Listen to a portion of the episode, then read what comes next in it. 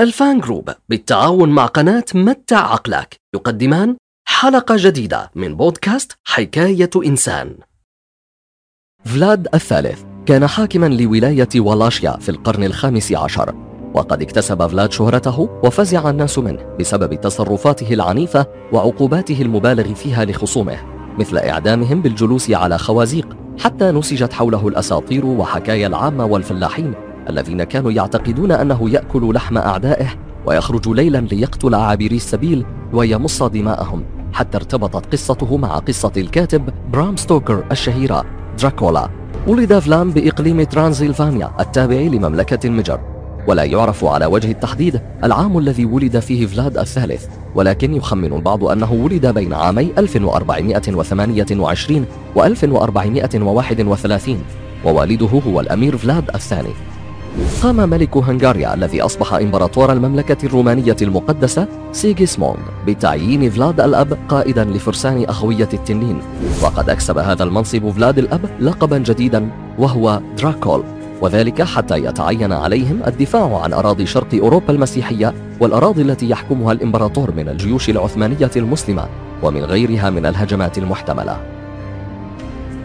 تطور الصراع على إمارة والاشيا فبعد أن قتل البويرز وهم جماعة من النبلاء المتمردون في إمارة والاشيا الأمير فلاد الثاني وأكبر أبنائه عام 1447 قاموا بتنصيب أمير يدعى فلاديسلاف الثاني أميرا على إمارة والاشيا وتم إطلاق سراح الأميرين فلاد الثالث ورادو في ذلك الوقت. وقد عاد فلاد الثالث إلى والاشيا عازما على المطالبة بإرث والده في العرش. وقد أدى ذلك إلى زيادة الصراع بين فلاد الثالث وأخيه والعثمانيين وبقية النبلاء المتمردين. أدى هذا التنافس الشديد بين كل هذه القوى المتصارعة إلى أن يحكم الإمارة حوالي أحد عشر حاكما منفصلا حكموها على مدار 29 فترة حكم متفرقة وقد كان فلاد واحدا من الذين حكموا الإمارة في فترة من الفترات. إلا أن أهدافه ظلت تتغير وتكبر من مجرد حاكم للولاية إلا محاولاته لتأسيس دولة قوية تردع المخالفين لها والمتآمرين عليها. استغرق الأمر من فلاد الثالث عشر سنوات حتى يعيد نفسه حاكما على والاشيا في عام 1456 وأصبح عليه الآن أن يعمل على طاعة العثمانيين والهنغاريين وفي ذلك الوقت أن يكون مستقلا في حكمه عنهم. إلا أن فلاد اتسم بعنفه الشديد في التعامل مع خصومه وذلك لبث الرعب في قلوب خصومه والموالين له على حد سواء.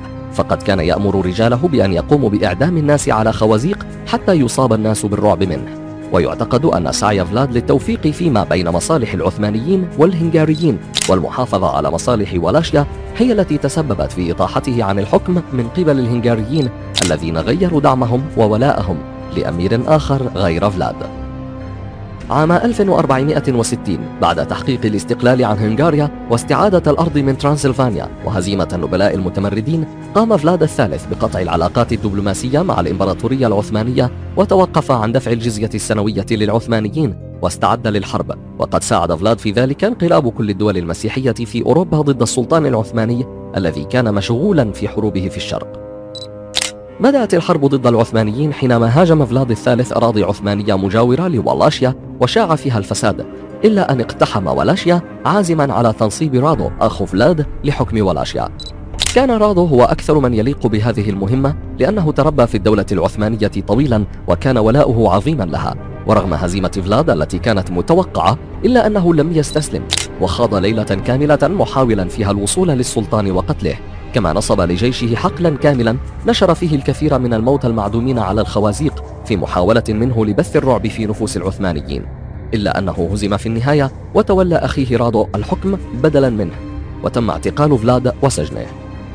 وبعد سنوات من السجن والنفي قام الهنغاريون بإطلاق سراح فلاد الثالث وللمطالبة بحقه في حكم والاشيا ومحاربة العثمانيين من جديد وقد وعدوا بمساعدته في حربه القادمة على شرط أن يتحول من اعتناق المذهب الكاثوليكي بدلا من المذهب الأرثوذكسي.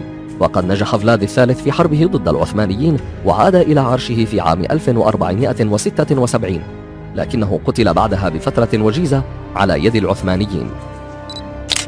فلاد الولاشي أو فلاد الثالث. مشهور في أنحاء العالم بفضل قسوته وعنفه وأساليب عقابه الجامحة وتعطشه للدماء ويقدر عدد ضحاياه بعشرات الآلاف وربما ساعده في ذلك أنه عاش في عصر انتشار الكتابة والكلمات المطبوعة فأصبحت قصصه وروايات معاملاته مع معارضيه من أشهر قصص الرعب التي عرفها التاريخ حيث اشتهر فلاد الثالث بساديته أثناء حياته فعرفه الجميع طاغية يتلذذ بالتعذيب والقتل حتى الصور الشخصية المرسومة له لم تكف عن تصويره بصورة أقسى الجلادين والحكام. وبعد وفاته انتشرت فظائعه وقسوته من خلال المنشورات والمطبوعات في ألمانيا والتي استمرت طباعتها طوال الفترة الممتدة بين العقد الثامن للقرن الرابع عشر وحتى العقد السادس للقرن الخامس عشر.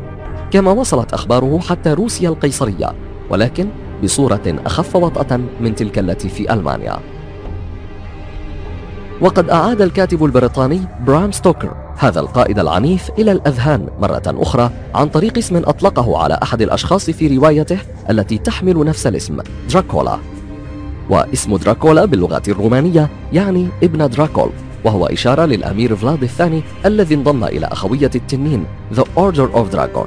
كما أن كلمة دراكول تعني الشيطان وهو ما يمكن أن يعكس بوضوح بطش هذا الأمير وشخصيته المتعطشة للدماء والحرب لتتحول سيرة هذا الأمير بالغ القسوة لسيرة شخصية خيالية بالغة الشهرة حول العالم وهي شخصية دراكولا مصاص الدماء ليمتزج الخيال بالتاريخ في مزيج ساحر ممتع لقراء الروايات ومشاهدي الأفلام ولكنه عار من الصحة والدقة التاريخية.